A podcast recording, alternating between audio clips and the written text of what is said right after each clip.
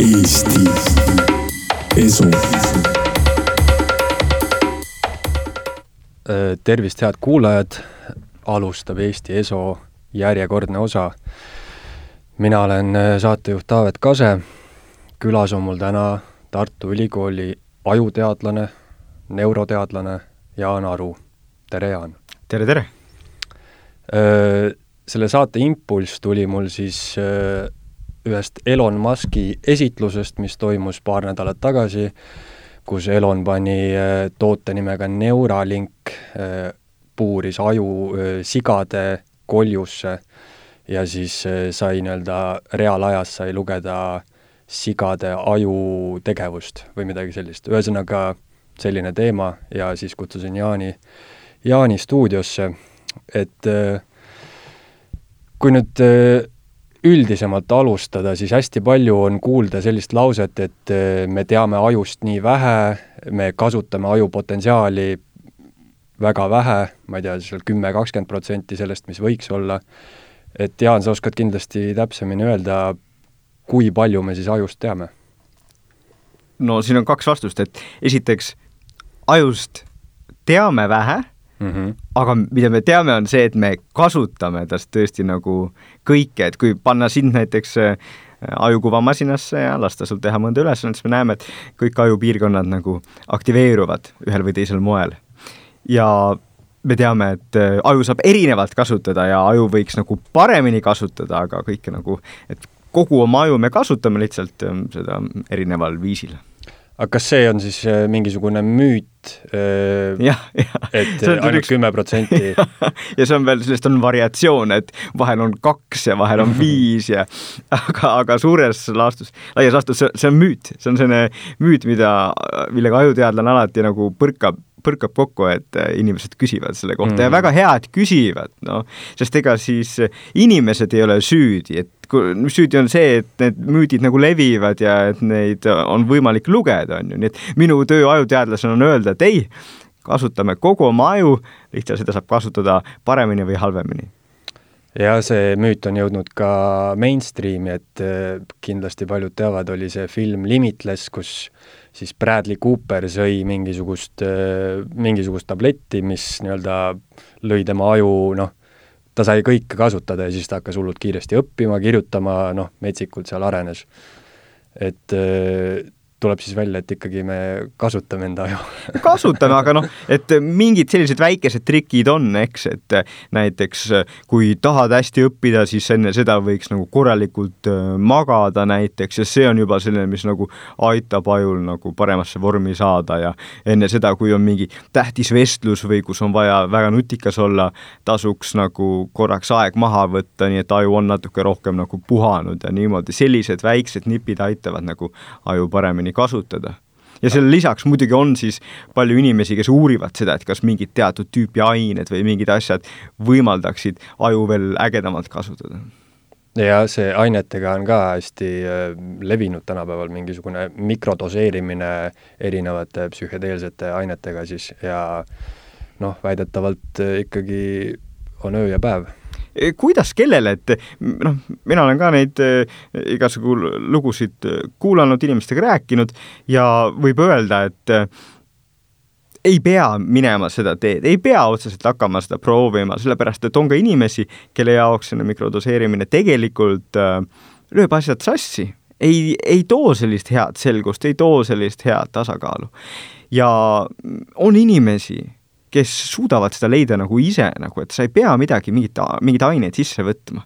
noh, eestlasel võib-olla, et sa lähed korraks metsa, lõigad paar seent ja siis on pea nii selge, et nagu suudad mõelda ja igalühel oma, noh, kes tahab võib-olla muru niita, on ju, kes tahab mingit natukene mingit meissedamistööd teha, et peab lihtsalt teadma, et mis minu aju nagu selle selguse toob ja kuidas ma selle saan.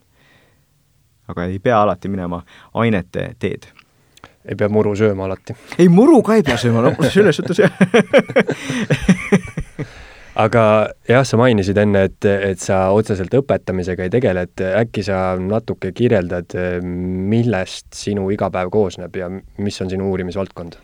mina uurin aju ja ma olen üle aastate teinud väga erinevat tüüpi katseid, ühesõnaga me oleme uurinud inimese aju, pannud inimese kolbale elektroode, üritanud sealt siis välja lugeda mingeid asju.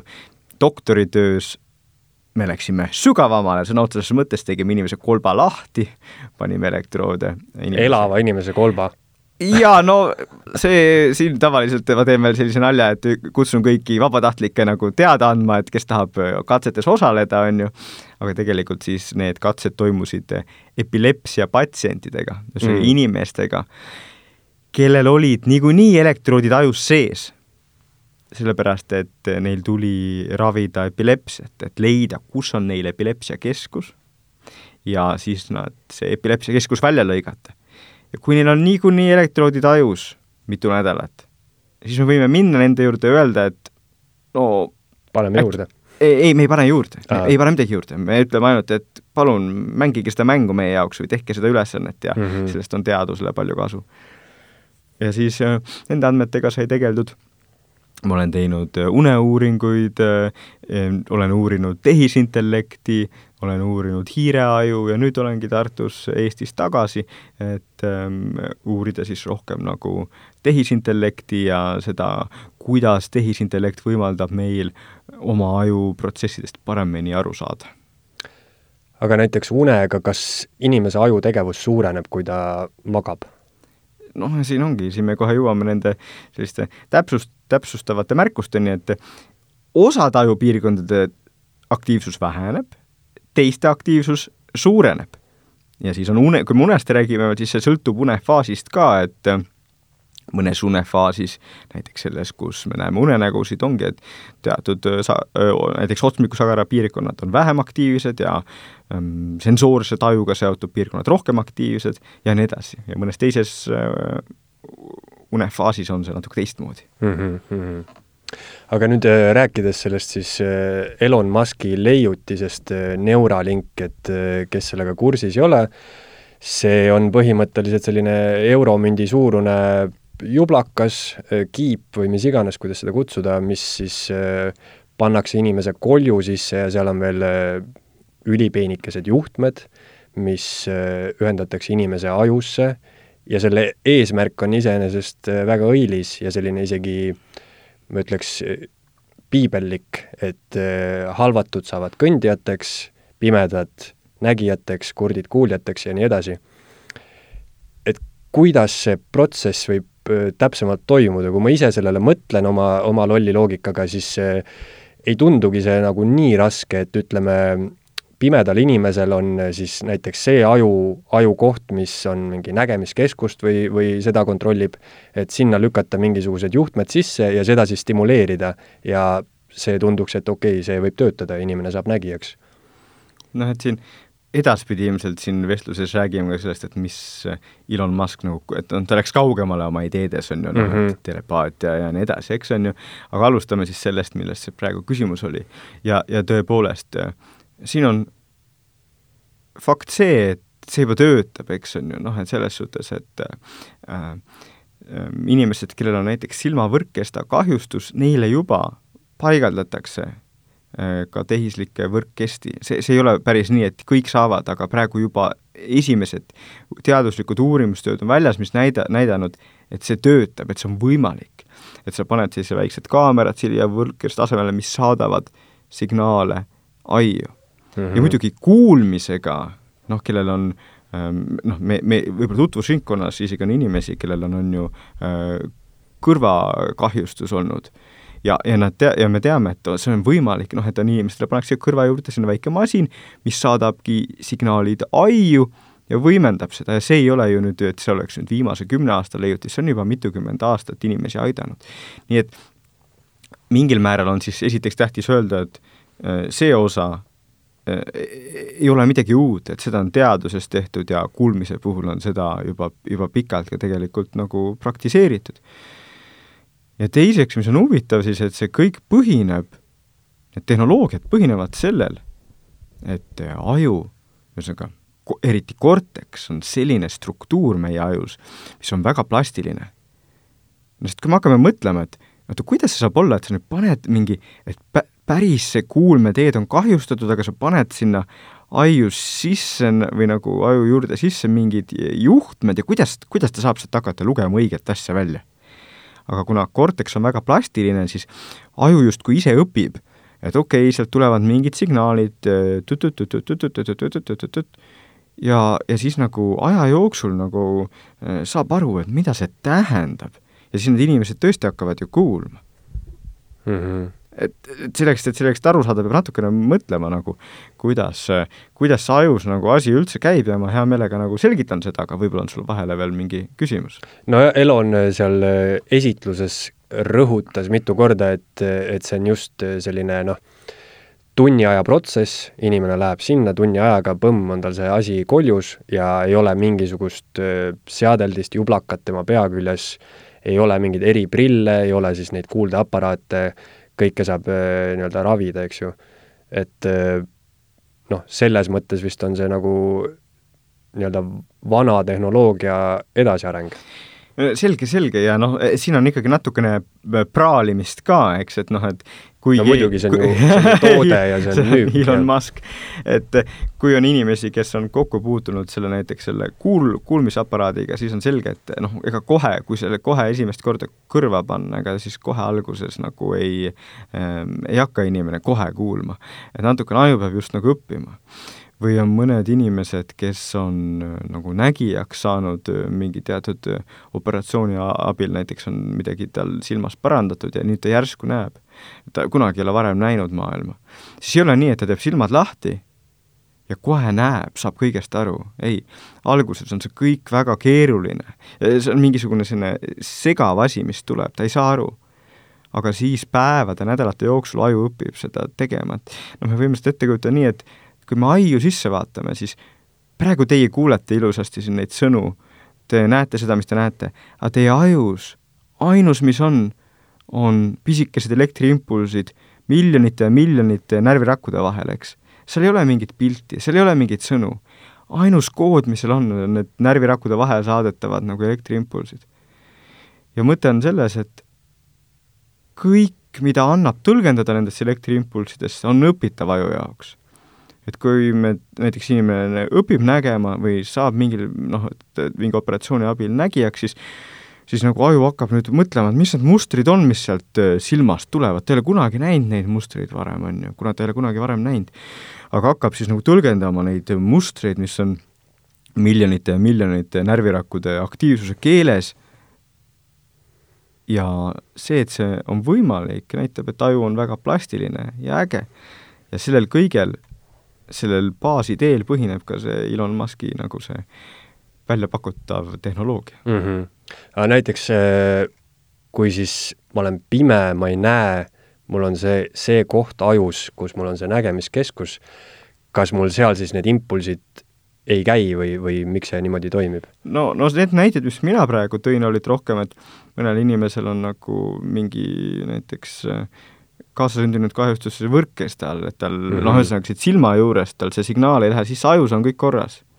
aga lihtsalt signaal silmad on ka aju osa, eks ju? jaa, muidugi, noh, see, see, me, silmad nagu tunduvad nagu teistmoodi, aga tegelikult äh, silma sees on väga keerukas äh, see võrkkest on väga keerukas struktuur, kus on üle viiekümne erinevat tüüpi neuroni, kujutate ette, et see on tegelikult õhuke kiht, aga see on väga keeruline selline struktuur juba ja, ja siis, kui nüüd on kahjustatud mingisugune osa äh, ajus päris, noh siis on, siis on asi selle võrra natukene keerukam, et aga, aga põhimõtteliselt idee on, mida, mis, ja Elon Musk ei ole esimene, kes seda on arvanud, et noh, et meil on võimalik neid protsesse arendada, et meil on lihtsalt vaja vastavaid siis äh, tehnoloogiaid, mille abil see informatsioon aiu sisse saada.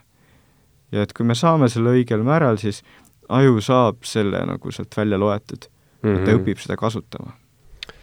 jah, ma proovin äh, seda mingisuguse enda loogika järgi nagu selgeks teha, et äh, et ütleme, kui mul on mingi ajuosa, mis on siis millegi tõttu häiritud, no esiteks juba seda on väga veider mõelda, et silmad on ajuosa, sest äh, ikkagi tundub, et aju on kuskil seal kolju sees kaugel. Aga, aga jah, et kas võib siis öelda, et aju on mingis mõttes noh, sa ütlesid hästi plastiline, et kas see on nagu võrreldav äh, muskliga, et kui mingisugust kohta piisavalt stimuleerida, ütleme see Neuralink siis saadab sinna neid elektriimpulsse, et siis, siis nii-öelda see, see koht äh, areneb edasi ja ongi, et pimedast võib saada nägija. Jah, põhimõtteliselt küll, et äh, selge, et natuke, et muskliga nagu eristada, et mm, selleks, et nägijaks saada, on sul vaja lisaks sellele, et see nagu, asjad hakkavad töötama, on sul ja on, on head ühendused, on sul vaja ka, et see need ühendused suudaksid anda informatsiooni, ühesõnaga on ju, see pilt, mis sa näiteks praegu näed, on väga erinev sellest, kui sa lähed tänavale ja siis ümber nurga pöörad ja kogu aeg on sul miljardeid ja miljardeid võimalusi, kombinatsioone, milline see pilt sul seal ees olla võiks. ja see asi, mis seal ajus on, ta peab suutma nagu piisava detaili rohkusega seda signaali anda, et teised ajupiirkonnad saaksid aru, eks ja sellepärast, et seetõttu üks ongi üks nagu asi, mis inimestel on, et meil on tegelikult võrdlemisi võimas nägemismeel, nagu suur osa meie väga suurest ajust on pühendatud nägemisest tuleva informatsiooni töötlemisele, nii et kui te praegu teil on silmad lahti, te vaatate midagi, siis teie ajus tõesti nagu korraga on aktiivsed miljonid ja miljonid neuronid. ja et seda nagu inforohkust ja rikkust edasi anda, selleks peab ka vastaval tasemel see masin olema ja mulle tundubki, et äh, Elon Musk siis proovib äh, üldsusesse tuua sellise noh, sellise konkreetse tootega Neuralink, et äh, mainis ka seal esitluses, et lõppeesmärk on, et umbes see maksaks sama palju nagu siis see silma laseroperatsioon, paar tuhat dollarit. aga noh, sellega ilmselt nagu kõik, kõige tehnoloogiaga on see oht, et noh, kui mõelda kakskümmend aastat tagasi, meil maksis mingisugune Nokia telefon metsikut raha, mis tänapäeval on täiesti väärtusetu. ja kui me mõtleme nüüd sel-, sellise uue toote peale nagu Neuralink, siis sellega ilmselt läheb asi sama mustrit, et alguses on see kättesaadav ainult väga rikastele ja siis lõpuks, ma ei tea, mis aja pärast saame nii-öelda ka meie, kodanlased, seda proovida. Aga võib-olla me üldse kiirustame ette või noh, selles suhtes, et et kas see, võib-olla peaks üldse kaaluma seda, et kas see üldse nagu siin kas see üldse eh, toimib? noh, osa, osad kuulajad on võib-olla selleks ajaks juba nagu elu lõpetanud, kui see nagu üldse nagu mm. tootmisesse läheb, et, et kuivõrd realistlik see on, võib-olla peaks seda arutama. ma mõtlengi, et jah, et kui, mis sa siis arvad, noh, Elon Muski muidugi jutust on see asi jõuab meieni palju-palju varem, kui võiks arvata mm. -hmm. et noh, sellist praegu juttu kuulata, et, et ma olen pime ja saan mingisuguse väikse jublakaga nägijaks, et see noh, tundub mingisugune saja aasta teema või midagi sellist, aga mis, mis sa arvad, kaua mis, mis see Elon Musk üldse ütles, kas ta andis mingit, mingit arvamust? ta otseselt midagi öelnud, aga noh, ta vihjas ikkagi äh, sellele, et see pannakse esimesse inimesse noh, varem, kui me arvame. jaa, ei no ühesõnaga mingi aastate küsimus. no e, siin on see, et äh, esim-, esimese inimese sisse ta võib-olla tõesti pannakse ka aastate jooksul, aga see inimene on patsient. Ehm, katsejänes on? nojah, kes on ise nõustunud, kes on näiteks, ta ei suuda kontrollida oma keha liikumist, tal on näiteks ähm, on ju seljaaju kahjustus ja tema, ta on nõus sellega, tema ju pannakse see asi ja siis näidatakse sellest videot, kuidas see inimene suudab oma robotkätt kontrollida sellega, on ju. aga see on kõik tehtud juba. Elon Musk ei ole esimene, kes seda teeb. see on juba paari aasta eest tehtud teadlaste kes seda tegi? Äh, Ameerika teadlased äh, on, on seda teinud, noh, Elon Musk teab ka seda muidugi, et see, et see on tehtud, et see on nagu selles suhtes nagu ähm, ei ole mingi saladus mm. -hmm. aga noh, et just, et äh, jälle patsient, kes suudab robotkätt liigutada, et see, et see, see on nagu tehtud. Äh, Elon Musk võib muidugi öelda, et noh, et tema tehnoloogia, võib-olla ta suudab näidata, et suudab äh, paremini kontrollida, täpsemalt, eks, aga noh, see ei ole see äh, Marsile minek, on ju see, mida Elon Musk räägib, on see, et tõesti, et me suud-, et me paneme selle nagu, et tavainimene saab selle endale panna, on ju. ja noh, seal on juba esimene probleem on see, et noh, et patsiendil nagu, tal ei ole nagu väga palju valikuid, ta tahab oma elu nagu paremaks, ta ei saa oma kätt liigutada üldse, on ju. aga tavainimesel, enne kui see tavainimestel lubatakse, see peab olema ju nagu kindel, et see nagu öö, töötab, et ta, et tal ei ole kõrvalnähtusid, probleeme. pluss see, et ta midagi no, perse ei keera ajus täielikult. no, no ei, sellepärast, et tead, kui sa paned endale midagi aju sisse, siis sa tahad et see ei oleks nii, et kaks aastat oled äh, nagu võimekam ja siis on, on ju läbi, kõik läbi. et tekkis mingi infektsioon või midagi. noh, et sa tahad, et re reaalselt näha, et on inimesed elanud sellega, enne kui sa oma aiu selle paned. muidugi mõned hullud on, võivad olla, kes seda vabatahtlikult teevad, aga aga seal on eetikakomisjonide asjad, kes ei, noh, ei lubagi seda nagu enne panna, kui see on nagu näidatud, et see on turvaline asi no ilmselt sellised inimesed, kes on tõesti, kellel ei ole nii-öelda midagi kaotada, kes on, on ju halvatud, et ma kujutan ette, et neil on nagu suurem huvi alguses ennast äh, katsejäne, jänesena siis äh, noh, proovida. ja, ja aga no, aga no siis me näeme, et see kõlab lahedalt kõik, on ju, aga nüüd me oleme juba selle taga, et oota, et kas mina tahaks näiteks olla äh, esimene või teine või kas ma tahaksin olla üldse selle esimese kohordi hulgas, kes seda proovib või ma tahaksin vaadata esiteks, et mingid inimesed on näiteks neli aastat seda oma ajus kandnud, eks see on esimene probleem, on ju. ja teine probleem on, et noh, kui ma ise oleksin see klient, siis ma tahaksin näha, et kas see tõesti nagu üldse midagi nagu lisab mm -hmm. tavainimesele, sest nüüd on selge jällegi, jällegi, et kui meil on patsient, kes ei saa üldse oma kätt liigutada muidugi tema jaoks on see fantastiline, kui ta suudab robotkätt liigutada ja jooki endalt tõsta, muidugi. aga mida see masin tegelikult nagu normaalse, hea ajuga inimese jaoks üldse anda saab? ja noh, ja siin sa võid äh, esile tuua, mida Elon Musk nagu pakkunud on või mis ta, mis, mis see tema no ja lõpus ta rääkiski, et äh, ma ei tea, kuulajad võib-olla, kes teavad sarja nimega Black Mirror, äh, seal oli ka üks episood, kus siis kõike, mida sinu silmad on salvestanud, saab taasesitada nii-öelda, lasta endale elutoas äh, teleekraanile. ja noh, äh, selliseid asju muidugi mainis ka Musk seal esitlusel, et äh, super-hüpernägemine, mälestuste taasesitamine, siis mälestuste salvestamine, mälestuste üleslaadimine kuhugi teise kehasse, noh, see on juba, kõlab nagu surematus.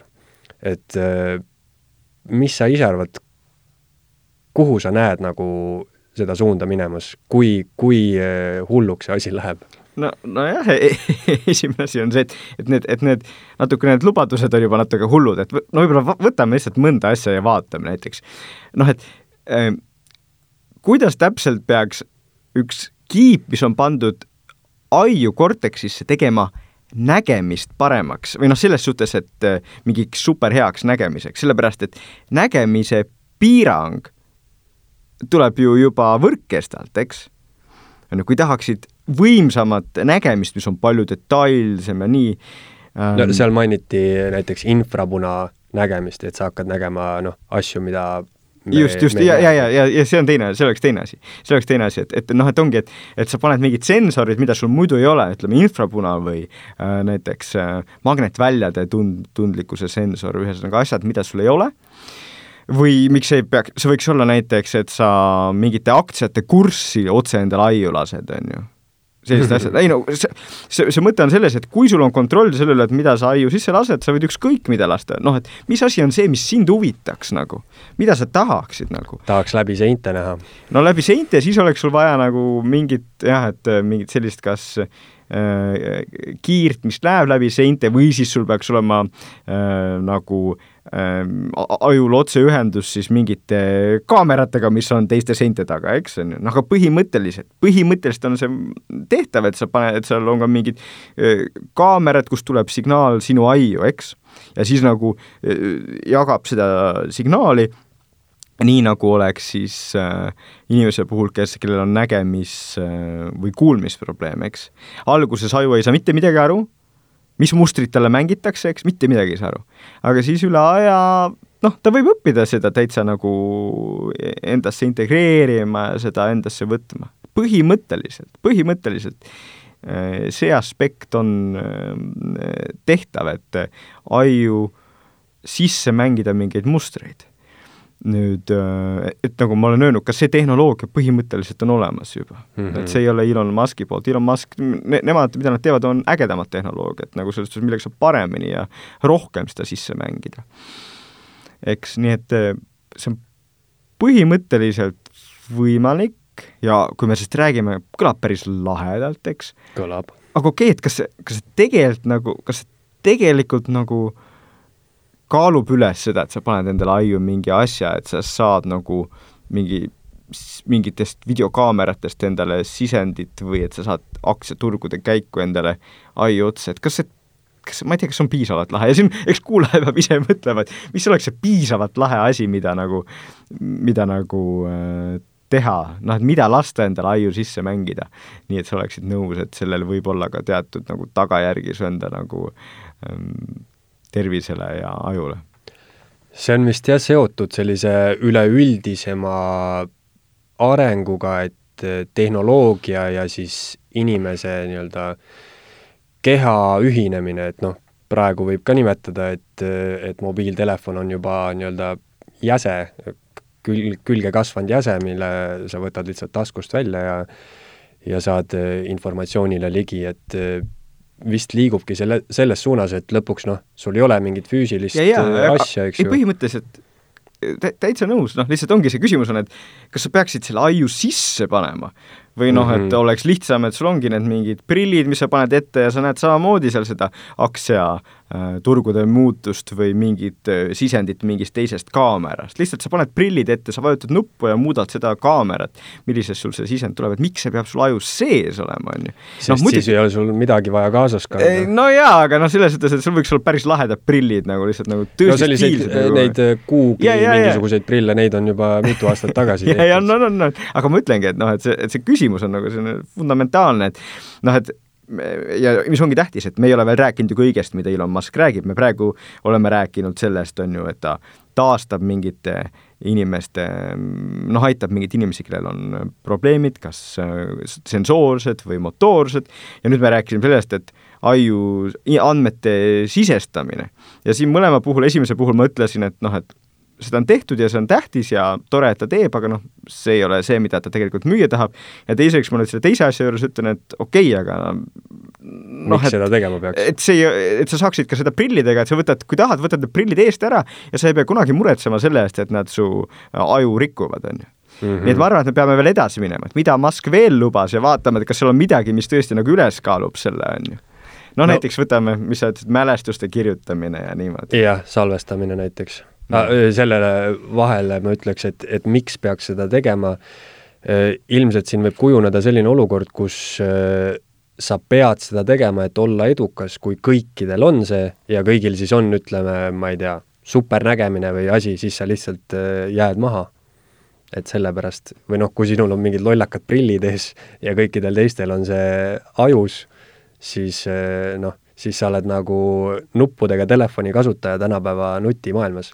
no jaa, jaa, aga sa oled nõus, et põhimõtteliselt muidugi nüüd, kui asi puutub näiteks internetist mingi asja informatsiooni leidmist, muidugi nutitelefoniga inimene saab palju kiiremini, aga kui me räägime asjadest, mis tegelikult on tähtsad, näiteks mingi uue idee peale tulemine või ma ei tea, mingi idufirma loomine no siis ei, ei ole nii, et nuputelefoniga, nuputelefoniga mees oleks ilmselgelt nagu maas, ta võib olla just edukam seetõttu, et tal on seal, see telefon segab teda vähem, eks, noh, ma lihtsalt toon näite. seda küll jaa, ja see on jah, üleüldse see teema, et kui palju see telefon nagu nii-öelda noh, sellest on abi kindlasti, aga kui palju, mis on selle kõrvalmõjud nii-öelda? just, just, ja samamoodi ka Elon Muski selle masinaga, eks ole mm., noh, et talle, et äh, muidugi ta saa-, et sa saad endale aiu mingeid signaale ja nii, aga noh, et et see tuleb ka oma probleemidega ja ja, ja seetõttu näiteks noh, need kaks asja, mis me praegu arutanud oleme, et need nagu mind vähemalt ei veenaks ja ma loodan, et ka paljusid kuulajaid ei veenaks endale seda asja tegelikult aiu panema. ja lisaks veel äh,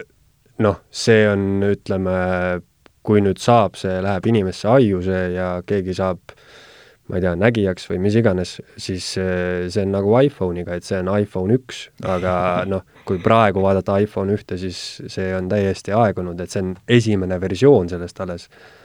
et, et kindlasti seda arendatakse edasi. aga jah, ma ei tea, suvaline näide tänapäeva nuputelefoni kasutajast, et kaks meest on metsa eksinud, ühel on nuputelefon, teisel nutitelefon üks saab vaadata Google Maps'i, teine ei saa. samas ühel nu-, nutitelefoni mehel saab aku tühjaks ja ta ei saa abi kutsuda, nuputelefoni omal ei saa, nii et jah, kõigil on omad plussid-miinused. see on, see on, nii on, nii on, nii on, nii on, nii on. aga, aga jah, et kuhu kuhu me selle tehnoloogiaga nagu sinu arvates jõuda tahame, kas me peamegi saama sellega üheks või kas see on paratamatu? Noh, vähemalt praegu tundub, et äh, ei ole või me ei, me ei pea selle, selle pärast otseselt nagu muretsema, noh, noh näiteks praegu ka, et ei ole nii, et kõige paremate ideedega on need tüübid, kellel on kõige ägedam äh, tehnoloogia või et kõige edukamad on need tüübid, kellel on kõige ägedam tehnoloogia, et täitsa on võimalik nagu väga huvitavate ja sisukate ideedega välja tulla kuskil äh, metsamajakeses mm., ilma nutitelefonita, ilma nutiseadmeteta ja nii edasi, on ju ähm,. Seega praegu see ei ole, ei ole määrav ja arvatavasti ka mm, edaspidi. et kui me vaatame inimesi, kes on edukad, loovad, originaalsed, siis nad on edukad, loovad ja originaalsed seetõttu, et nad teevad asju teistmoodi. Ja Elon Musk ise kuulub ka nende inimeste hulka, eks, aga just, et ei ole nii, et kui kõikidel on ühtemoodi, et siis mul peaks ka kindlasti olema, et see on ainus viis nagu edukas olla, et tihti on edukas olemise eel-, ainus viis see, et sa teed natuke teistmoodi asju.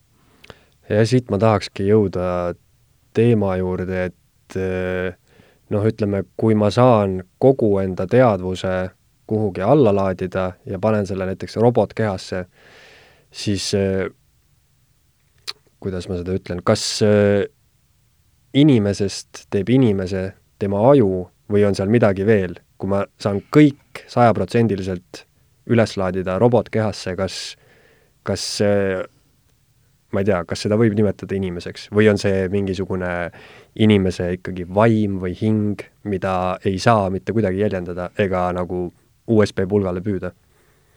siin on mitu aspekti, eks, sellepärast et mm, näiteks USB pulgale või, või kuskile pilve laadida ei saa ka seda reaalset füüsikalist ajustruktuuri, eks.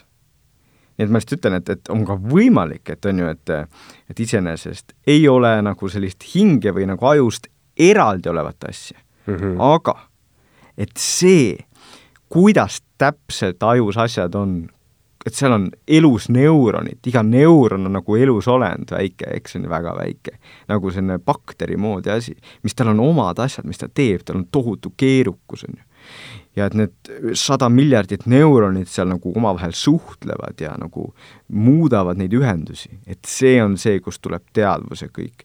ja kui me lihtsalt võtaksime kõik selle niimoodi informatsiooniks nagu ühesõnaga, et ühenduste arv, ühenduste tugevus, laeksime kõik ülesse, et siis tegelikult me selle sisu, noh, me selle teadvuse tegelikult kaotaksime, aga mitte seetõttu, et oleks mingi eraldi asi, vaid kuna me kaotasime selle, kogu selle keerukuse, me, me nagu tundub, et oo, me laadisime kõik informatsiooni üles, aga mm. ei, me laadisime üles informatsiooni ainult ühenduste ja nende tugevuse kohta, aga mitte seda, et millised iga neuron ise oli noh, et see ongi nagu see, mis on praeguse tehisintellektiga ka suur erinevus, et tehisintellektis, kui me teeme väga keerukaid mudeleid, mis suudavad teha nagu kõnetõlget või pildide tuvastamist, siis seal need nii-öelda tehisneuronid on lihtsalt äh, sellised funktsioonid, mis võtavad nagu sisendit ja kui see sisendit on rohkem kui teatud äh, lävi, siis saadavad äh, väljundi välja.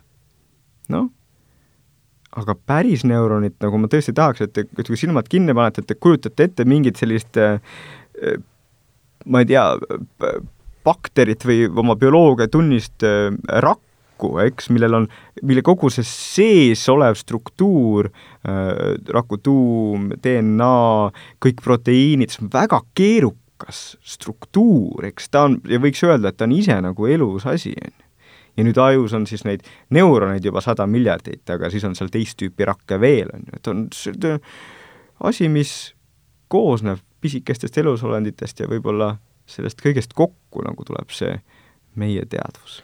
aga seda me ei oska praegu kloonida või luua, et äh, kui ma küsin, millest aju füüsiliselt tehtud on, mis, mis ollus see on?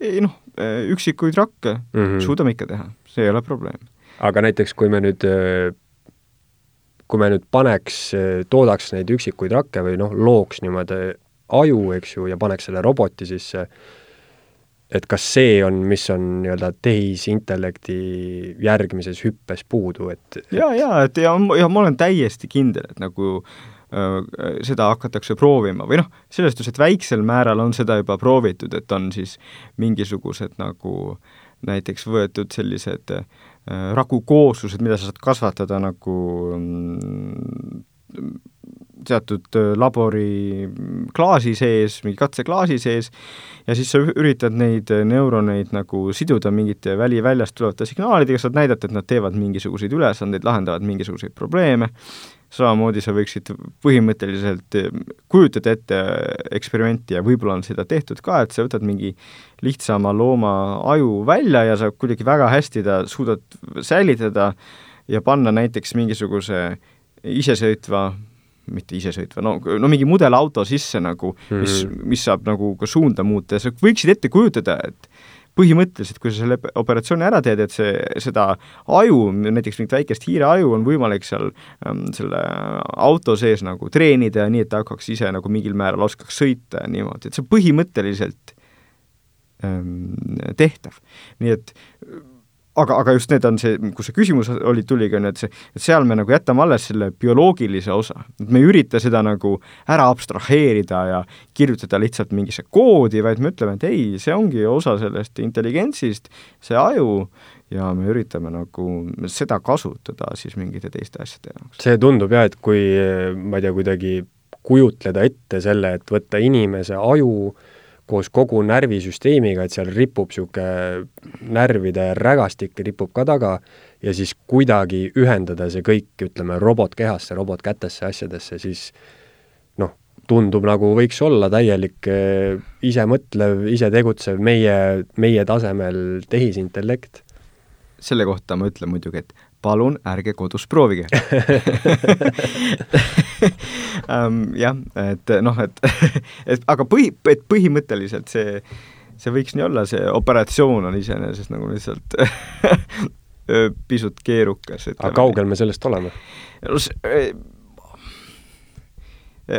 raske hinnata, ma ütlen, et mulle tundub, et et nagu väga heas laboris, väga heade tingimuste puhul nagu hiireaju kuskile väiksesse robotisse panemine ei tohiks nagu olla täiesti võimatu ka järgnevate aastate jooksul, et see, see ei ole, seal ei ole nagu midagi, mis on, noh, teda, ta alguses ei hakka päris hästi tööle, sest noh, ideaalselt tahaksid, on ju, et kõik need, kõik sensorid ikkagi kuidagi saaksid ka paika, on ju, silmad, kõrvad, motoorne süsteem ja nii, aga aga põhimõtteliselt see võiks olla tehtud. Mm.. no ja inimajuga, ütleme nii, on selline kerge eetiline barjäär jälle, et noh, et kes, kes sellist asja nagu lubaks või tahaks. Aga.... ja väga suur äh, dilemma on alati, rääkides tehisintellektist või üldse robotitest, kes siis lõpuks me ära hävitavad, on äh, ikkagi see, mis teeb inimesest inimese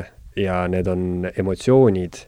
Ja ise mõeldes selle peale, kes iganes on kunagi tundnud südamevalu, siis see südamevalu ei toimu ajus, vaid see on ikkagi ei no, no mis suhtes, muidugi, muidugi toimub ajus, noh. aga seda sa tunned enda ja, pigem ja, kehas, eks ju. jaa, aga, aga noh, eks see to-, toimub ikkagi ajus või noh, seda aga ma mõtlengi, et, et ütleme, kui mul on enda aju, ma panen selle robotkehasse Aha. ja kõik minu ülejäänud elundid, asjad on mul tehissüda, ma ei tea, robotkäed, asjad, et kas siis see osa lõigatakse ära või ma tunnen enda tehissüdames südamevalu? No me ütleme nii, et päris hästi ei saa vastata, kuna me sellist eksperimenti pole veel teinud äh,, aga äh, noh, niimoodi põhimõtteliselt vastates, siis tundub, et äh, sa saaksid aru, et midagi on nagu väga valesti ja väga teistmoodi, aga mulle tunduks selle põhjal, mis me teame, et noh, et sina, su mõtted, sinu, sinu olemus oleks põhimõtteliselt sama, lihtsalt sul oleks võib-olla väga, väga, väga, väga, väga halb olla mm. -hmm. ja, ja noh, mõnes mõttes me neid osasid asju ju ka teame, et noh, et on inimesed, kellel on, on ju südameoperatsioone tehtud, kellel on mingisuguseid äh, organeid välja vahetatud, kes on halvatud, kes ei tunne oma keha. ja me teame, et noh, nad on ikkagi nagu need inimesed, muidugi nad ei ole päris, päris, päris need inimesed, noh eriti kui tema töö oli, on ju, äh, või tema lemmiktegevus oli metsas jooksmine, ta nüüd enam seda ei saa teha, on ju. aga äh, fundamentaalselt, nii palju kui me teame, et see, see on seesama inimene mm. -hmm. ja, ja, ja, ja veelgi enam, et isegi teatud piirkondi ajust võib eemaldada, näiteks meie siin kukla taga on väike aju. kui ma selle teist eemaldaksin siis eriti midagi teie teadvusega ei juhtuks, te ikka oleksite umbes sama inimene. Te ei suudaks enam sama hästi arvutil tippida, sama hästi äh, mingisuguseid sportmänge teha, klaverit mängida, aga te oleksite sama inimene. karakterilt nagu? ja, ja, ja just nagu, et te tunneksite, et te olete sama inimene mm. -hmm. ja siin ei tasu lasta ennast petta, et väike ajus on tegelikult üle poole meie aju neuronitest. et ma võtaksin üle poole meie aju neuronitest ära midagi suurt nagu ei juhtuks. aga see siis hoolitseb sellise, ma ei tea, motoorika või, või just, koordinatsiooni mm, -hmm. motoorika eest ja nii edasi, no ühesõnaga võib-olla noh, selles suhtes, et ei suudaks enam nii kiiresti rääkida ka mm -hmm. ja selliseid, kõik, kõik, kus on motoorika sees, nagu oleks probleem, aga teadvus ja see, kes te olete, nagu see otseselt ei, ei muutuks. nii et noh, seetõttu me teame, et on osa ajust, mis on just kriitiline selle teadvuse ja inimeseks olemise eh, jaoks mm. -hmm. no ja, nagu me teame, siis noh, üks asi, mis teeb inimesest inimese, on emotsioonid ja teine asi, mis on justkui arvutite ja igasuguse tehisintellektiga täiesti vastandlik, on siis eh, inimlik eksimine. et no tehisintellekt või ma ei tea, kas seda saab päris nii nimetada, aga see on juba päris ammune asi, siis kui eh, maailmakuulsate maletajate vastu pandi arvuti mängima ja seal ka, ma ei mäleta, kes see oli, kas Garri Kasparov või kes see kaotas mingi üheksakümnendatel kuskil äh, ühe mm tähtsa 90. mängu mm -hmm. jah, ja, ja üks äh, mingisuguses intervjuus ma nägin, et üks põhjendus, mille ta tõi sellele kaotusele, oligi see, et äh, arvuti on palju-palju stabiilsem, ei tee vigu. et ma mõtlengi, et noh, tehisintellekt versus inimene, millegipärast tundub see tehisintellekt äh, tehnoloogia arengu mõttes tundub äh, noh, ülim, et siis inimesed, kas inimesed surevad välja millalgi? Äh, jah, va-, vaatame seda küsimust, ma tahaksin ühte asja enne veel öelda ja me võime selle juurde tagasi tulla, aga ma lühidalt lihtsalt korrigeerin seda natukene, et et me ilmselt ei saa öelda, et inimesest teevad inimese emotsioonid, sest noh, teistel loomadel, nii palju kui me teame no, ma mõtlen ka... just võrdluses mm nagu nii-öelda masinsüsteemiga ja, ja, ja et see, et see on, aga lihtsalt, et see on tähtis aru saada, et noh, et kui me räägime just, üritame aru saada, et no miks inimesed on ka me oleme väga erinevad teistest loomadest, et siis noh, emotsioonid ei, ei saa olla see erinevus, sest teistel loomadel on samad emotsioonid, kohati isegi tugevamad emotsioonid, nii et me võime seda veel natukene edasi arutada siin, aga ma tulen su selle praegu originaalse küsimuse juurde, et et noh, et tehisintellekt äh, tõepoolest mõnes asjas on inimesest parem ja ilmselgelt äh, tal on mitmeid eeliseid, ta teeb oma tööd stabiilselt, ta ei köhi, ta äh, ei nakatu koroonasse. ja ta, ta ei saa töötada nii, et ta töötab ainult kaheksa tundi, on ju, vaid ta võib kogu aeg töötada. Äh, tal ei ole mingeid lapsi, kes jäävad haigeks, nii et iseenesest noh, selge on see, et nendel tööaladel, kus saab tehisintellektiga are-, asendada inimesi, inimesed asendatakse, noh, see, see on selge. aga ähm, on palju asju, kus inim-, on raske nagu eh, inimesi asendada. Ja, ja ka mõned sellised tööd, mis meile tunduvad nagu lihtsad, et seal on väga raske nagu eh, tehisintellektiga asendada, et noh, näiteks mingi tänavakoristaja või, või, või veel parem on võib-olla asfaldipanek. tundub võib-olla väga lihtne töö, on ju, väga selline rutiinne ja nii, aga sellistes töödes on vaja ka loomingulisust või või noh, nagu selles suhtes, et sa inimene, kes saab aru, kuidas ja kuhu ta paneb vahepeal, et see on, seda on palju raskem automatiseerida, kui nagu tundub. või võtame veel ühe näite, mis nagu mulle endale väga meeldib, on äh, lasteaiaõpetaja. noh, tundub nagu, eriti selle töö eest ei maksta, on ju, väga madalalt hinnatud töö aga ükski tehisintellekt ei saaks sellega hakkama, et hallata kuuteteist väikest last, et seda ei kujuta ka praegu ette. ja just, ja, ja noh, selles suhtes ongi, et ma vahel viskan ka nalja, et pankades väga kõrget palka saavad analüütikud on võimalik asendada tehisintellektiga, nii et tulemused jäävad samaks või on paremad, aga lasteaia kasvataja, õpetajat, kes saab vähe palka, teda ei ole võimalik asendada. Mm.. nii et ma, ma mingil määral loodan, et see tehisintellekt selles suhtes aitab nagu natukene meil ühiskonnas nagu leida, et selle, et mis on tegelikult tähtis, mis meist tegelikult inimese teeb, mis, mis inimeseks olemise jaoks nagu tähtis. Tundub jah, et siis selle, selle loogika järgi kõik töö inimestega on tehisintellektile kuidagi keeruline ja noh, arvudega, selline mehaaniline, selline just, asi just, on lihtsam. kus sa pead arve ennustama, äh, tegema suurtest mustritest mingeid ennustusi ja see on raha, see on töö, mille eest siis pankades inimesed raha saavad, seda tehisintellektid äh,, muidugi nad kohati ei tee paremini, aga kohati teevad vähemalt võrdväärselt ja kohati mõnest sellisest analüütikust kindlasti teevad ka paremini jah, sa tõid siin nüüd äh, loomade ja inimeste võrdluse sisse, mul oli kunagi väga suur vaidlus ühe inimesega, et mis eristab inimest loomadest.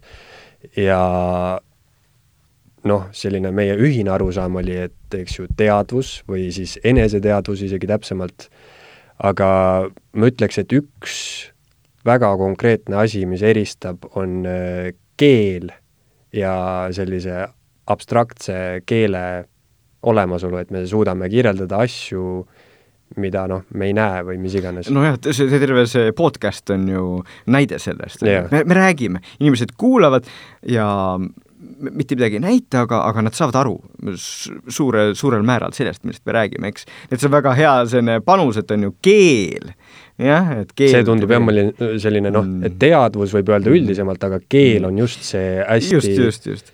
aga siis, kui sa oled teadlane, nagu mina no sa küsid, okei okay,, nii, ütleme, et keel on erinev inimese ja looma vahel. aga miks? miks see on nii, et inimlaps õpib keele ära ja šimpans ei õpi, miks see nii on, ühesõnaga näete, et keel võib küll olla vastus, aga siis meil küsimus teiseneb. nüüd on meil teine küsimus, mida me ikka ei tea, ikka me nüüd ei saa aru, miks see, miks see erinevus on ühesõnaga, et minusugune teadlane, kes, kelle jaoks see probleem on nagu oluline, ma üritan mõelda, et noh, kuidas see saab olla nii, et nüüd sa võid ahvi endale perekonda võtta, hakkad teda üles kasvatama nagu oma väikest last, koos räägid temaga nii, aga ahvist ei saa, ta ei saa aru neid asju.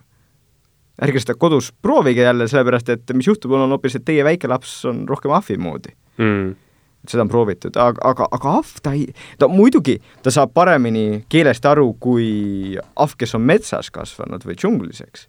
muidugi ta midagi õpib, aga ei ole sealt tulnud mitte midagi, mis oleks isegi võrdväärne või ligilähedane sellele, kuidas üks kahe ja poole aastane laps keelest aru saab ja keelt kasutab.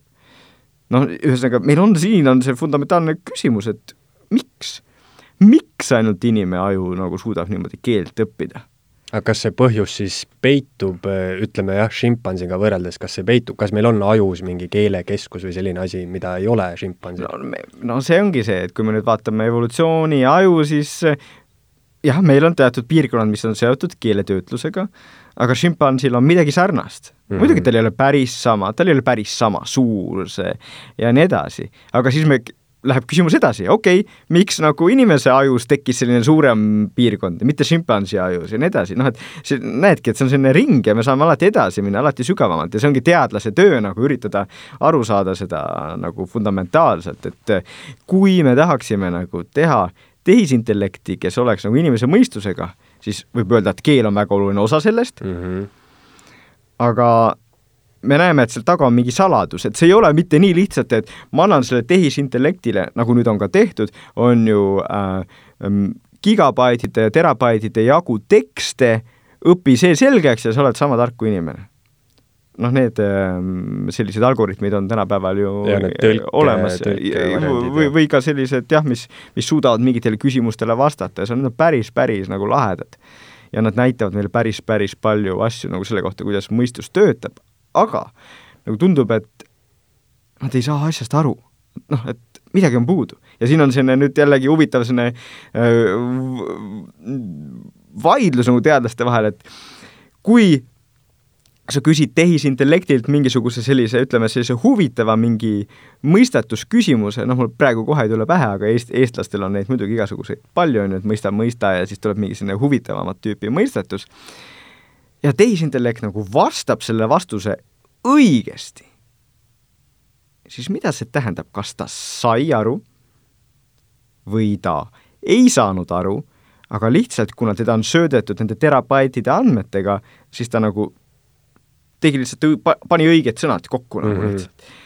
ja, ja noh, et eh, seega see tohutu tehisintellekti ajastu, mis meil on, see ei ole meid pääsenud nendest suurtest filosoofilistest küsimustest selle kohta, et mis on arusaamine, mis on tähendus ja kuidas see tegelikult kõik ajus tekib. ja seal jah tekib, et eh, noh, tekibki küsimus, et kas ta siis lõi ise selle seose, seose, mida tal ei ole sisse programmeeritud või siis ta leidis selle kuskilt infost, ei, no, mis ta, juba pandi sisse. ta ei, isegi kui ta ei, isegi kui ta tegi nagu uue, siis ikkagi on võimalik vaata, kuna lõppude lõpuks kõik on lihtsalt aktiivsusvektorid, nagu noh, ühesõnaga need on suured jadad and- nagu numbritest, mis talle ütlevad nagu, mis ühe või teise vastuse puhul nagu sarnasem on. siis on võimalik, et tal see nagu õige nagu see äh, Ehm, nii-öelda vektor või see numbrijada nagu äh, süsteem arvutas selle õigesti välja, söötis selle välja, see oli õige vastus, aga ikkagi see on lihtsalt nagu mingisugune selline süsteem, mis nagu öö, äh, õpib numbreid teisteks numbriteks öö, äh, teisendama ja see on kõik, mis seal ongi. aga nüüd, ja, ja, ja siin on see, kuhu, kuhu on huvitav jõuda, eks, et ma rääkisin selle podcast'i alguse poole, et meie ajus tegelikult kui me ette kujutame, siis kõik on lihtsalt miljonite neuronite nagu selline aktiivsusmustrid, eks, mis nagu mõjutavad teisi neuroneid ja teisenevad. ja siis nüüd küsimus ongi, et kas on mingit vahet, et kas nüüd teisenevad need ajuneuronite aktiivsusmustrid või siis need numbrite jadad seal tehisintellektis mm., kas see on ekvivalentne, kas seal on mingit vahet? Ja see, äh, nendest loomadest rääkides mul tuli veel meelde, et äh, ma ei tea, kas see on ka müüt, aga et delfiini aju pidi olema sama keerukas kui inimese aju, ainult et ta on mingi kümme korda suurem. või no ma ei tea, kas päris kümme. ei, ta on natukene suurem jah, mitte kümme korda, aga natukene suurem, et delfiinidel on tõesti selline äh, päris keerukas aju ja nemad suudavad teha ka päris keerukaid asju öö, ja läbida ka teatud selliseid eneseteadvuse teste mm. -hmm. Nende kommunikatsiooni uuritakse, väga palju selle kohta teada ei ole, natuke on teada, et nad saadavad mingisuguseid sõnumeid, aga me ei ole seda koodi veel lahti äh, muukinud, aga noh, fakt on see, et delfiinid ei ehita pilvelõhkujaid, ei ei saada emaile. ei saada emaile või ei loo raadiostuudioid, ei kanna särke ja nii edasi, et noh, vähemalt näiliselt niimoodi, et kui keegi vaataks inimesi ja delfiine, siis tunduks, et nagu on aru saada, et inimene on targem ikkagi. et noh, midagi on teistmoodi mm, -hmm. et mhm. inimene on kõikidest loomadest erinev millegi poolest ja selle algoritmi otsimine on nagu minu töö ja et ei tea jah, kas inim-, või tähendab, delfiinid, et neil noh, räägitakse, et on hästi keerukas keel ja aga kas nad päris niimoodi räägivad, et oo oh,, täna on vesi päris soe ja ja, ja, ja et selle kohta praegu vähemalt äh, andmed äh, puuduvad, inimesed on seda küll uurinud juba dekaade, aga ei ole nagu midagi sellist äh, veel leidnud. ja üks teema, millele sa kindlasti oled ka veel mõelnud, millest ma tahtsin sinuga rääkida, on simulatsiooniteooria ja olen kuulnud sellist väljendit nagu matrjoška aju. oled sa kursis sellega? ma umbes kujutan vist ette, mida sa mõtled, aga, aga see pidi olema selline noh, et kui me nüüd võtame mm -hmm. aluseks selle, et me elame simulatsioonis, mis, mitte miski ei ole päris, vaid äh, kuskil mujal siis on see nii-öelda päris maailm, Matrix, äh, siis äh, matrjoška aju pidi olema selline nii-öelda tehniline arvuti või nii võimekas arvuti, mille, ma ei tea, kas siis kõvaketas või süda on üks täht ja millele on ümber ehitatud siis nii palju kihte ja see on nii suutlik, et see suudab luua sellise simulatsiooni näiteks nagu Maa või universum või noh, mis sina arvad, kas see on päris, kus me elame või see on simulatsioon? noh, mis, mis, mis siin ei loe ju minu arvamus mitte midagi. kui see on simulatsioon, siis on päris päris äge simulatsioon ja pole hullu. Aga noh sellis-, sellised küsimused on alati väga huvitavad, aga nagu teadlasena ma ütlen, et noh, kuna ma ei saa seda hästi vastata, siis las ta olla, et mina teen oma asja edasi ja üritan aru saada. aga põhimõtteliselt teadlasena võib siin öelda, et mõnes mõttes me oleme, on see kõik simulatsioon, sest et noh, ehkki meile tundub, et me näeme seda päris maailma ja et see on meil kohe siin nagu põhimõtteliselt me näeme ja saame seda katsuda, siis tegelikult on see kõik simulatsioon, mis toimub meie ajus, eks. et välismaailma tegelikult nagu selleks äh, ei ole vaja, välismaailm nagu heal juhul ta annab need pidepunktid, noh, et meie simulatsioon vastab välismaailmale aga mit-, noh, näiteks unenägudes on ju, ähm, meie see simulatsioon ei vasta välismaailmale, aga ikkagi on simulatsioon, mis on välismaailmale vahel väga sarnane. ja siis ähm, noh, juhtudel nagu, nagu, nagu kus inimesel on luulud või midagi taolist, siis ka see välismaailm ei vasta sellele simulatsioonile, mis seal ajus on. aga meie jaoks loeb ainult see simulatsioon, mis ajus on, nii et selles suhtes aju poolt vaadates me elame alati simulatsioonis see, nagu öeldud, see sõltub küll nagu maailmast, mis meie ümber on, aga ta on alati loodud ajus, me ei näe maailma vahetult, vaid alati läbi aju mm. -hmm. ja kõik, eh, mis läbi silmade aju jõuab, on tagurpidi? Noh, jällegi, see on nagu või see on müüt? vaata, ta, ta, ta jõuab originaalis tagurpidi, aga kuna me juba oleme saate jooksul rääkinud, eks on ju, et et kui me sinna sisestaks näiteks äh, äh, aktsiaturgusid või midagi, et aju mõtleb selle välja, siis mingi pildi nagu ümberpööramine, see, see ei ole mingi probleem või noh, aju ta ei peagi, ta ei pea ümber pöörama, ta peab lihtsalt õppima ära, et see, et see nagu tuleb sealt niipidi ja tegelikult päris maailmas on teistpidi ja nii edasi. kui nüüd panna sulle pähe sellised prillid, mis maailma ümber pööravad, vot siis sul läheb natukene aega siis läheb päris kaua aega. ei, ei, paari nädalaga sa suudad hakata täitsa elama normaalselt mm.. et aju on jälle ära õppinud selle pööramise. noh, et ta, et see, see, see ongi see üks põhilisi lahedaid asju, et aju suudab selliste asjadega nagu hakkama saada. ja tegelikult see on jah, seesama efekt, et kui sa proovid äh, peegli ees endal tagant ise juukseid lõigata või noh, siis on nagu alguses on raske sellele käe koordinatsioonile pihta saada, et just, just, just. aga noh, see tuleb päris kiiresti just, tegelikult. just, just, just, just.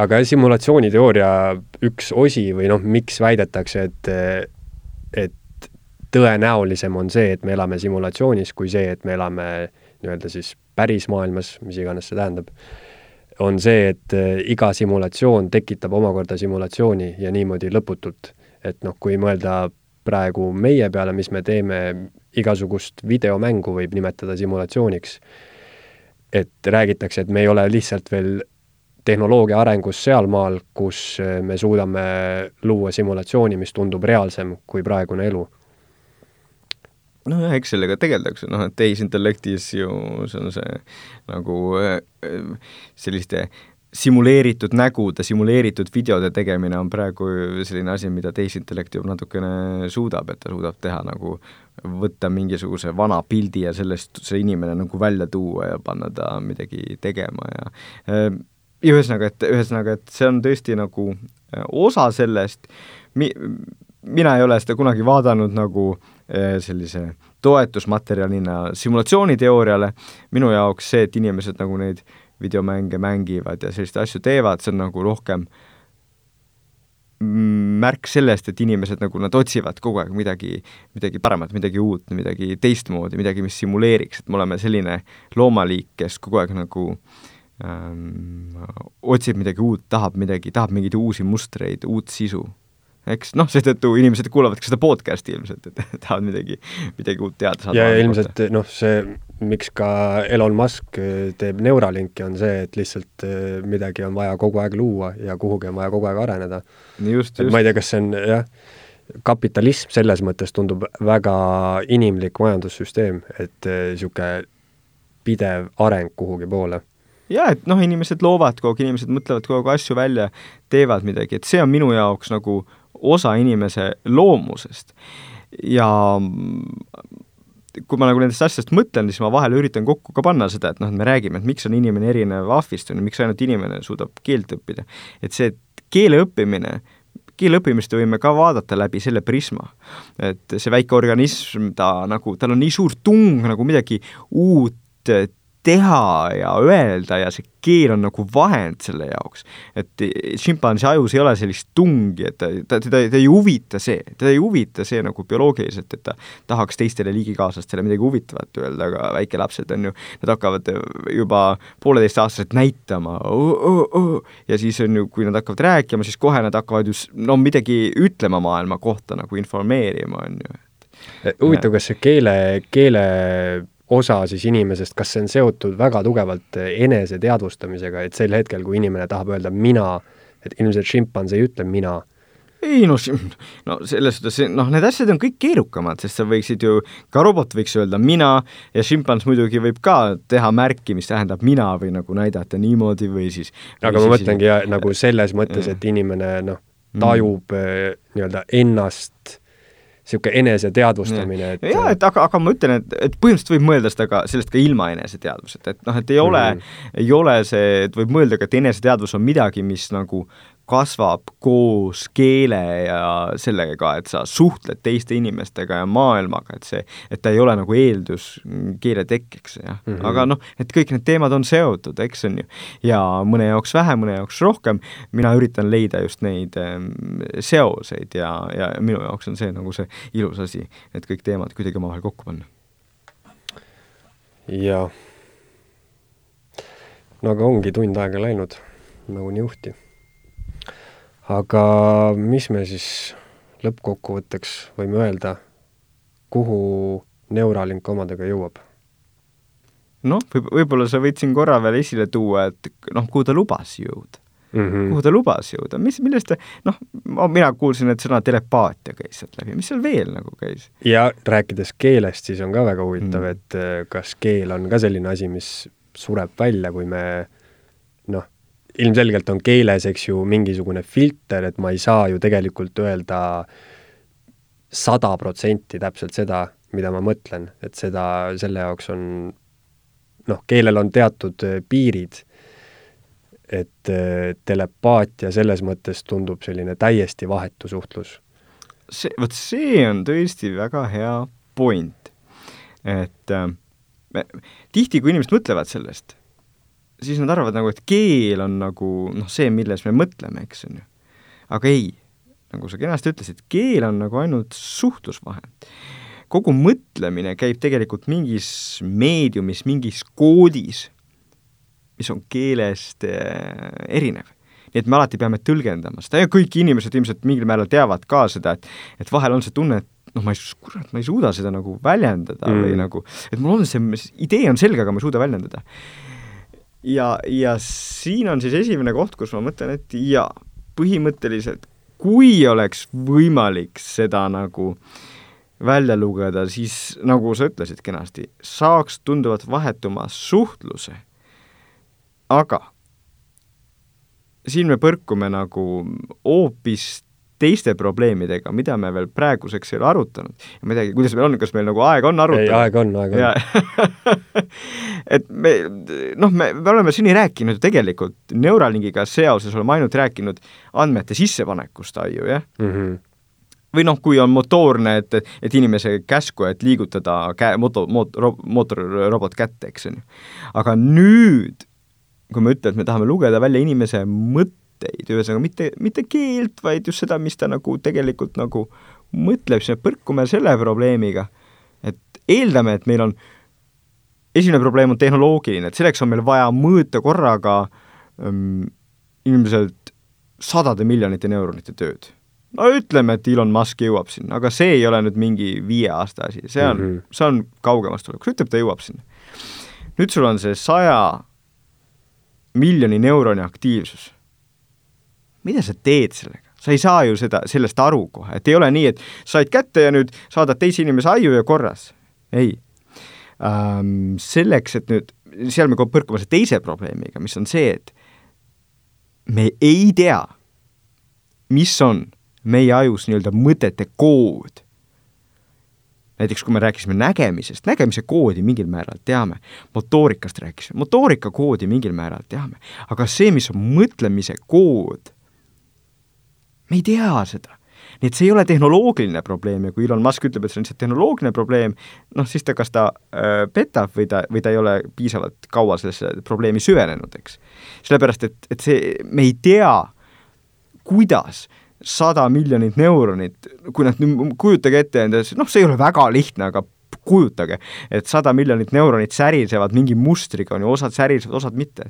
et, et kuidas see sealt seda mõtet nagu välja lugeda ja, ja pluss ju äh, selles mõttes me oleme küll väga sarnased, aga iga inimese peas kõik need mõtted on ju mõjutatud tema eelnevast kogemusest, mälestustest, asjadest. täpselt, täpselt. et ongi, et, et kui sa niimoodi telepaatiaga prooviksid suhelda, siis mulle tundub, et seal tekib probleem selles, et et ütleme, et kui me tehnoloogiliselt jõuame sinna, et sina midagi mõtled ja see jõuab minuni, aga see võtaks justkui kogu minu mõtlemise siis hetkeks üle, et kuidas, kuidas ma saaks aru, mida sina mõtled, aga samas ma saaks ise samal ajal noh, sinuga suhelda, siis telepaatia, midagi vastu öelda. just, just, et, et, et ühesõnaga siin käiski läbi see kolmas probleem, ühesõnaga esimene oli tehnoloogiline, teine oli see, et me ei tea koodi ja kolmas on see, et inimeste ajud on erinevad. et kui sa saaksid teada nii-öelda mõtete koodi me võime rääkida sellest, kuidas ta saada teada ühe inimese kohta, siis see ei tähendaks, et sa nüüd teise inimese mõtete koodi tead. noh, aga ideaalis, mis see, mis sa tahaksid, ütleme, kui me läheme päris ulmeks, Neuralinki päris ulmeks, sa tahaksid seda, et sa tõesti, sa mõõdad sadade miljonite neuronite tööd, loed sellest selle koodi välja või selle mõtte välja, sa pakid selle kokku ühesõnaga mingiks väiksemaks asjaks nagu, mitte et ta oleks äh, saja miljoni dimensiooniline äh, mingisugune maatriks, eks. ja sa saadad selle teise inimese äh, aiu nagu pak-, kokku pakitud koha äh,, viisi ja nüüd see nagu, nagu me rääkisime enne, siis see nagu sisestamine on lihtsam, sest mm -hmm. aju suudab õppida seda nagu mängima aga kui sa oled leidnud, teinud ära need esimesed kaks sammu, et kui sa oled selle mõt-, mõelnud välja selle, mis on see nagu universaalne mõtete kood, millest te olete vahepeal kokku pakkinud, kui sa selle välja mõtleksid nagu ähm,, siis ma arvan, et see kolmas probleem, või noh, see probleem kaoks, et sa tõlgendada suudad, et iga inimene, iga inimese mõtted läheksid sellesse ühte nagu sellesse mõtete koodi ja siis mm -hmm. sa lihtsalt loed seda, on ju, et see on lihtne aga noh, et sa ei ole lahendanud neid, tegelikult neid kolme probleemi, et äh, esiteks mõõta, teiseks aru saada ja kolmandaks nagu see, et sa pead iga inimese kohta aru saama. ja nii et aga noh, et äh, seetõttu ma olen nagu skeptiline, et kui, kui äge see asi nagu siin lähema kümne aasta jooksul olema saab, et lihtsalt kui see oleks võimalik siis see oleks päris lahe ja siin me võiks hakata rääkima, et ma panen endale ka selle aiu. aga äh, selle ärategemine, noh, ei ole naljaasi või noh, see natukene niimoodi provotseerides võib öelda, et selle ärategemine ei ole mingisugune raketi ehitamine mm. -hmm. sest äh, põhimõtteliselt inimesed ju enne, noh, inimesed on välja mõelnud, kuidas rakette ehitada aga mitte keegi ei tea, mis on meie mõtete kood või kuidas see üldse olema, olla võiks. inimesed tegelevad sellega, uurivad seda, aga aga selle nagu väljamuukimine, noh, ei saa, ei saa lihtne olema. kui hüpoteetiliselt mõelda, kuhu selline telepaatia võib jõuda, no siis minule tuleb küll ette ufo pea, kus on silmad suured ja suu on põhimõtteliselt ära kadunud et äh, selle koha pealt võib ka mõelda nendele kõrvalmõjudele siis, et äh, selles ju noh, minu mõtted ja see, kuidas ma väljendan, selles peitub ka teatud oskus ja see on äh, loomingulisus ja, ja eks ju noh, see, kuidas enda mõtteid selgelt väljendada. aga kui sa ei peagi seda enam väljendama, siis noh seal on jah teatud niisugune vahetus või kiirus või noh, täielik arusaamine, aga mingi osa jällegi siis kaoks nagu ära. Raske öelda, ütleme, seda eksperimenti tahaks teha nagu, aga et noh, et kas, et kas see oleks nagu äge või see oleks just nagu äh, jah, et tegelikult midagi jääks puudu. no et põhimõtteliselt on võimalik, et me rääkisime, et on ju, et see, et on vaja mõtteid nagu tõlgendada nagu keelde, aga põhimõtteliselt on võimalik, et selles tõlgendamise protsessis endas nagu tekivad osad ideed ja nii edasi. Äh,, me ei tea noh, nendest asjadest mõtlemine on, ongi seetõttu väga põnev, et seal on kõik lahti.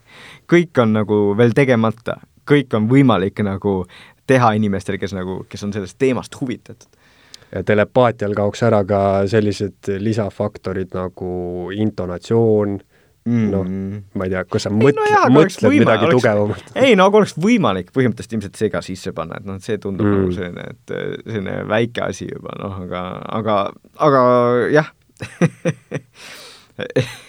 eks näe, eks näeme, eks näeme. jah aga noh, põhimõtteliselt äh, sellest võib järeldada, kui, kui me nüüd hakkame siin äh, tehnoloogiaga kokku kasvama, siis äh, ütleme, selline meie keha vorm, nagu praegu on, et see võib lihtsalt olla üks etapp evolutsioonis, sest noh, universumi aastaid arvestades, siis noh, meie enda elus näeme võib-olla ainult ühte väikest silmapilku sellest kogu, kogu on ju protsessist. et milline see inimene, ma ei tea, tuhande aasta pärast välja näeb vaevalt, et me täpselt samasugusel kujul oleme vaevalt küll, ei tea, kas me üldse olemas oleme, eks on ju. seda ka, jah. või siis äh, oleme jällegi uues simulatsioonis. ei, vot ei, ei tea, eks, eks näeme või ei näe, raske öelda. keegi ju ei tea, see on ka üks põhiküsimusi, mis juhtub siis, kui meie siin enda aju välja lülitame. Kuhu siis on minek? kas kas on minek? jah. mis on minek? jah, et minul selline pragmaatiline suhtumine on, et äh, üritame noh, et me, kuna me ei tea, kas on minek, et üritame seda elu siin ja praegu nagu võimalikult sisukalt äh, mm. elada ja noh, et kui läheb hästi, siis läheb hästi ja kui läheb halvasti, siis on vähemalt see elu hästi elatud. aga mis sa arvad, mis juhtub pärast surma? No ma andsingi sellele enda vastuse selles suhtes, et äh, sa ei mõtle ma, sellele? ma pigem nagu kardan, et seal ei ole midagi ja siis mm -hmm. ma mhm. üritan nagu siin nagu selle eluga nagu asjad ära tehtud, asjad tehtud saada. no jaa, see, mulle tundub see kõige see on nagu simulatsiooniteooriaga vist, et mulle tundub see kõige vähem tõenäoline teooria, et, et äh, on lihtsalt mitte midagi ei juhtu. jah, noh, ja teadlasel on lihtsalt jälle, et raske, raske uurida seda nagu. nojah väga raske katsetada. keegi ei ole tagasi tulnud. et äh, see on ühekordne katse ja et äh, ärge kodus proovige. ärge proovige, jah ja simulatsiooniteooriaga võib ka tekkida selline nihilistlik tunne, et, et noh, kurat, see on kõik ju mängult siin et ma, ma ei tea, tõmban oksa ennast ja siis ma äkki ärkan nagu päriselt üles. jah, ärge, ärge proovige. ärge seda proovige. ärge, ärge proovige. aga jah, tõmbame siis siin otsad kokku. suur aitäh sulle, Jaan, tulemast! aitäh, väga tore oli, noh, need teemad on sellised, et ja. nendest võiks rääkida ja mõelda ja, ja ma loodan, et mõni kuulaja nendel teemadel ka edasi mõtleb ja miks mitte midagi edasi teeb. vot, aga järgmise korrani! aitäh! Eesti Esu